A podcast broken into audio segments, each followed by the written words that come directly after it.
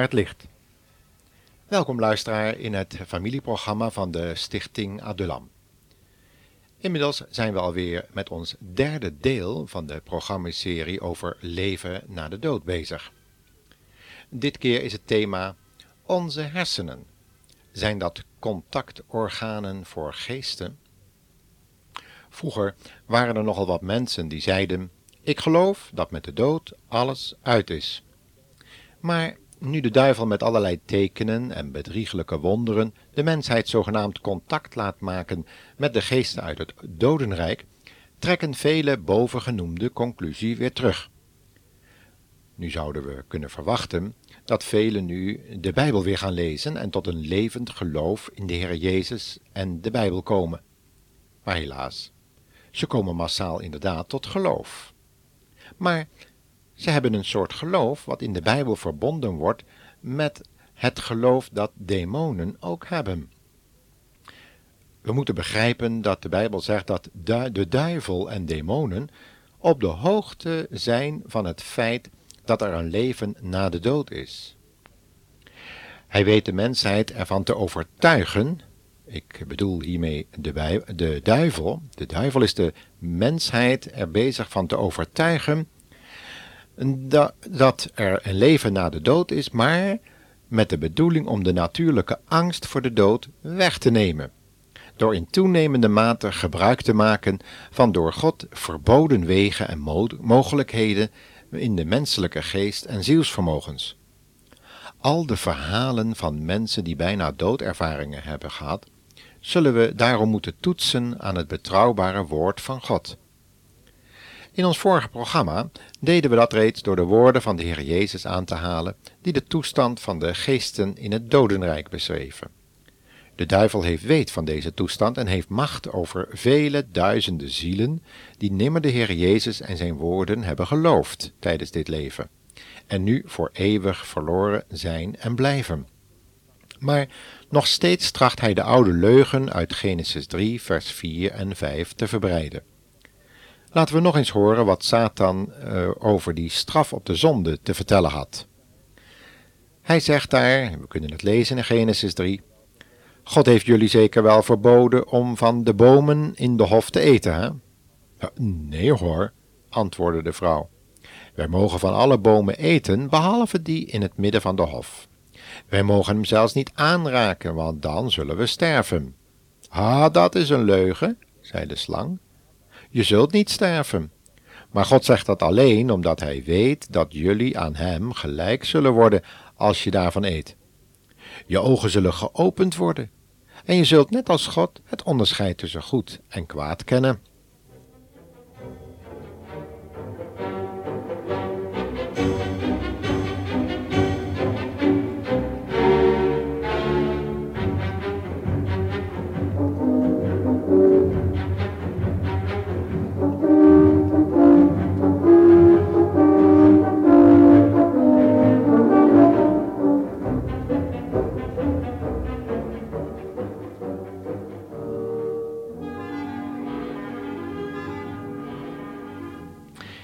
Zien we hoe subtiel zowel de mens als Satan met het woord van God omgaat om dat te verdraaien.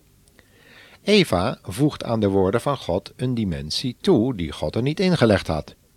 Zij verzwaarde Gods verbod met een eigen gedachte en zegt dat zij de boom niet mocht aanraken. En daarmee opent ze de weg voor Satan om met zijn leugen te komen en zo ook God tot leugenaar te maken en tegelijk de begeerte in Eva wakker te roepen om als God zelf te zijn, om ook kennis te kunnen nemen van het kwade naast het goede. Zo voegen vele mensen aan de woorden van God hun eigen gedachten toe en openen daarmee onbewust de weg voor de Satan. Wanneer christen, de christenwetenschapper Dr. W.J. Ouweneel uh, we luisteren even naar hem in verband met een aantal wetenschappelijke uitspraken. En wanneer we hem dan ook aan het woord laten, dan merken we dit op. Hij zegt: Het functioneren van onze geest staat in een directe relatie met onze hersenen. De hersenen zijn de geleiders en de dragers van onze gedachten, zoals die vanuit de menselijke geest via de zogenaamde fysico-fysische grens onze hersenen binnenkomen. Denken we nu aan de mogelijkheid van contact met de geestenwereld, dus geesten buiten ons, dan moeten we inzien dat de hersenen kennelijk ook als ontvangers, ofwel antennes, kunnen functioneren voor geestelijke invloeden van buitenaf. Wanneer we deze woorden op ons in laten werken, zien we hoe fantastisch de mens eigenlijk gemaakt is. En bij de schepping inderdaad hij in staat geweest moet zijn om met God en medemensen te kunnen communiceren, eventueel zonder behulp zelfs van de spraakorganen. In dromen, visioenen en dergelijke zien we deze mogelijkheid nog enigszins bestaan. Maar over het algemeen lijkt dit geestelijk contact grotendeels verloren gegaan te zijn. We kennen de oorzaak. De ongehoorzaamheid van het eerste mensenpaar, waardoor de geestelijke dood onmiddellijk intrede deed en de lichamelijke dood noodzakelijkerwijs moest volgen.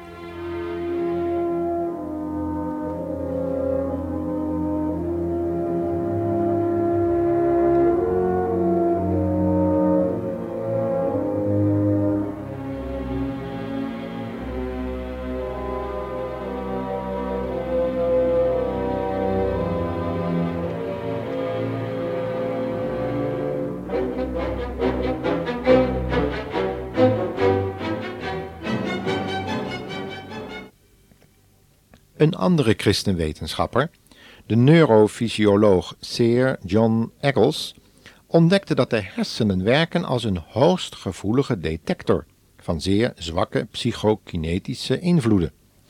Deze invloeden zouden door bepaalde elektrische impulsen versterkt kunnen worden via het netwerk van de zenuwcellen in de hersenschors, zodat we de normaal niet op te merken signalen van buiten ons, namelijk de aanwezige geesteswereld, beginnen op te merken.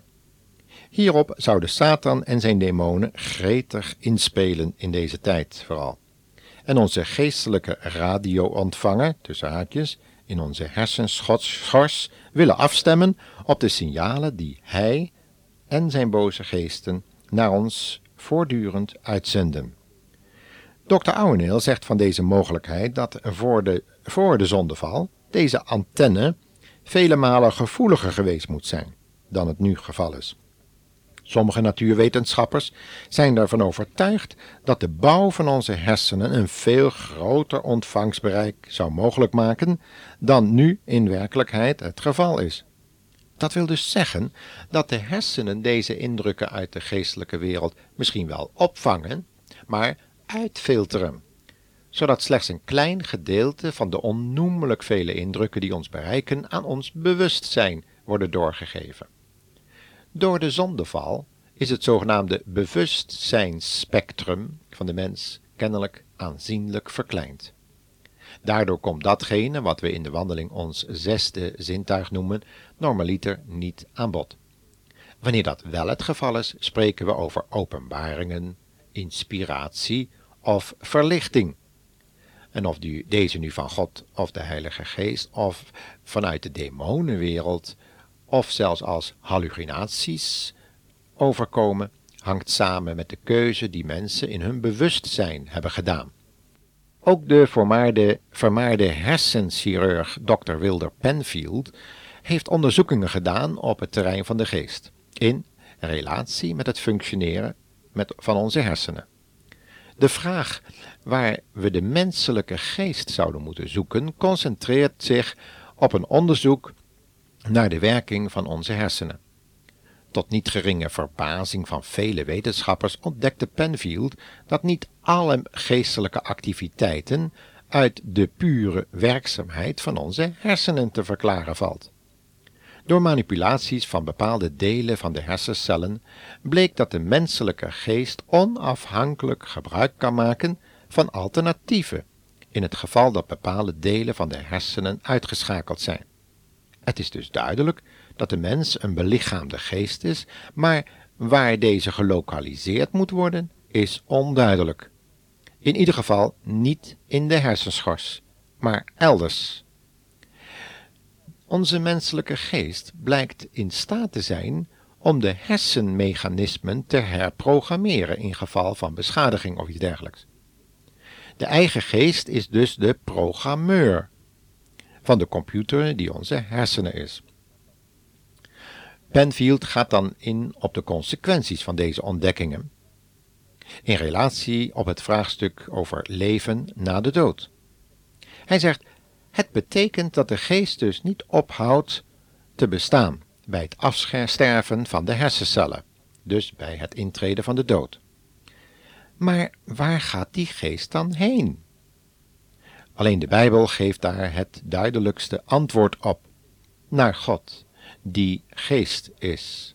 God zelf bepaalt de plaats waar de geesten van afgestorvenen zich zullen bevinden: het paradijs of de plaats van pijniging.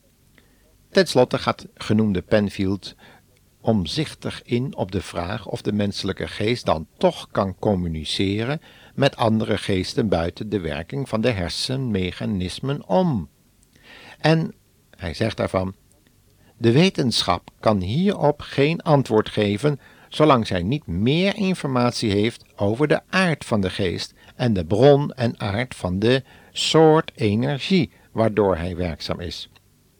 Maar in ieder geval is er geen wetenschappelijke reden meer om te beweren dat er geen directe communicatie mogelijk zou zijn tussen de geesten van levende mensen, die van God of zelfs die van boze geesten.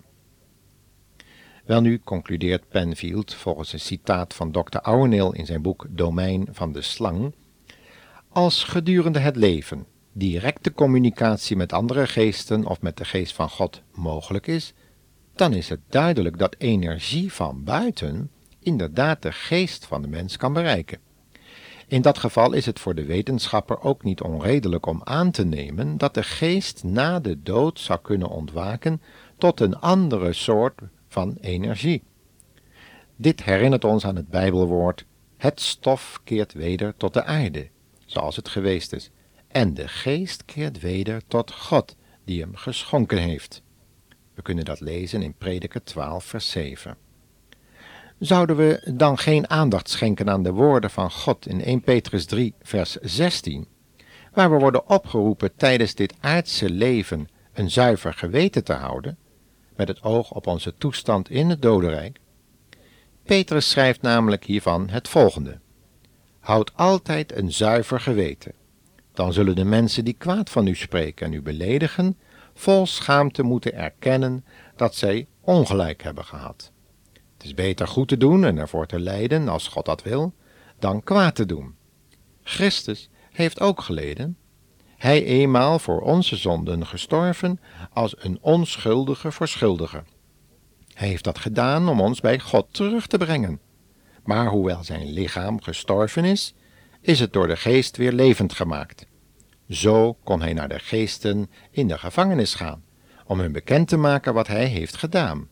Dat betreft hen dan die in de tijd van Noach weigerden te luisteren, hoewel God geduldig op hen wachtte, terwijl Noach de ark bouwde.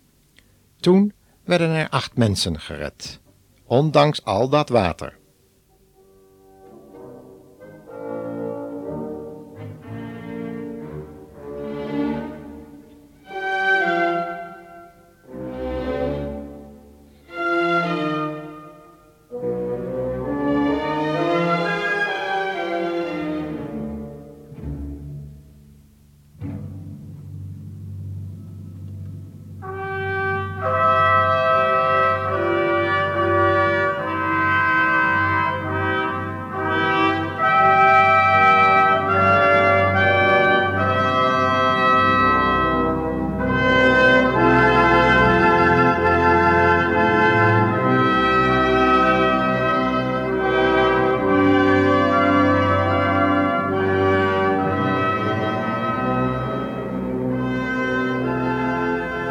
Wanneer Christus in het dodenrijk de goddelijke overwinning over de dood, de zonde en Satan heeft geproclameerd, maar niemand in het dodenrijk zijn eenmaal ingenomen positie kan veranderen, hoe uiterst belangrijk is het dan om tijdens dit leven rekening te houden met het feit dat er eeuwig leven na de dood is.